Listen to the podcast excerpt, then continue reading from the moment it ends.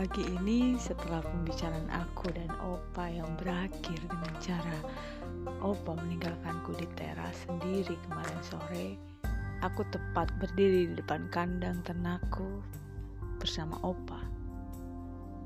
Opa, maafkan aku jika kemarin aku membuat Opa bosan berbicara denganku. Ya apa, Cuk? Kamu memang seperti itu. Lagi pula, apa salahnya jika Opa menghancurkan reputasi kancil di hadapanmu? Aku peduli, Opa. Aku sangat peduli. Kamu terlalu peduli, Cuk. Yang akhirnya kamu akan mudah kecewa. Aku tidak pernah kecewa, Opa. Kamu lucu, Cuk. Kenapa Opa tertawa? Apanya yang lucu?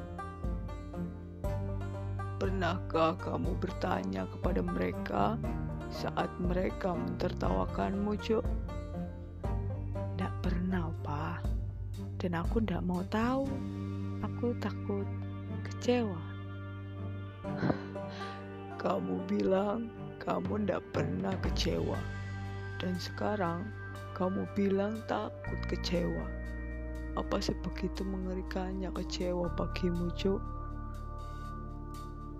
Opa ndak boleh tertawa terus. Tawa Opa seakan menuduhku bodoh. Ndak, Opa. Ndak ada yang mengerikan bagiku. Aku hanya ingin hidup tenang.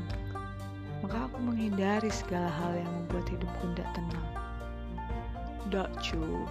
Kamu ndak bodoh. Hanya saja kamu goblok. Cukup tenangkah kamu dengan hidupmu yang sendiri ini, Cuk? Diam. Apa aku segoblok itu? Kenapa bisa Opa bilang aku goblok? Apa Opa tidak sayang padaku? Lalu Opa merangkul pundakku dan mengajakku masuk ke dalam kandang ternakku. Seenaknya Opa hanya merangkul pundakku. Berkata maaf pun enggak. Aku masih diam dan hanya hatiku yang menjawab pertanyaan Opa. Setidaknya aku masih punya Opa. Kami memberi makan untuk bebek ternakku pagi ini.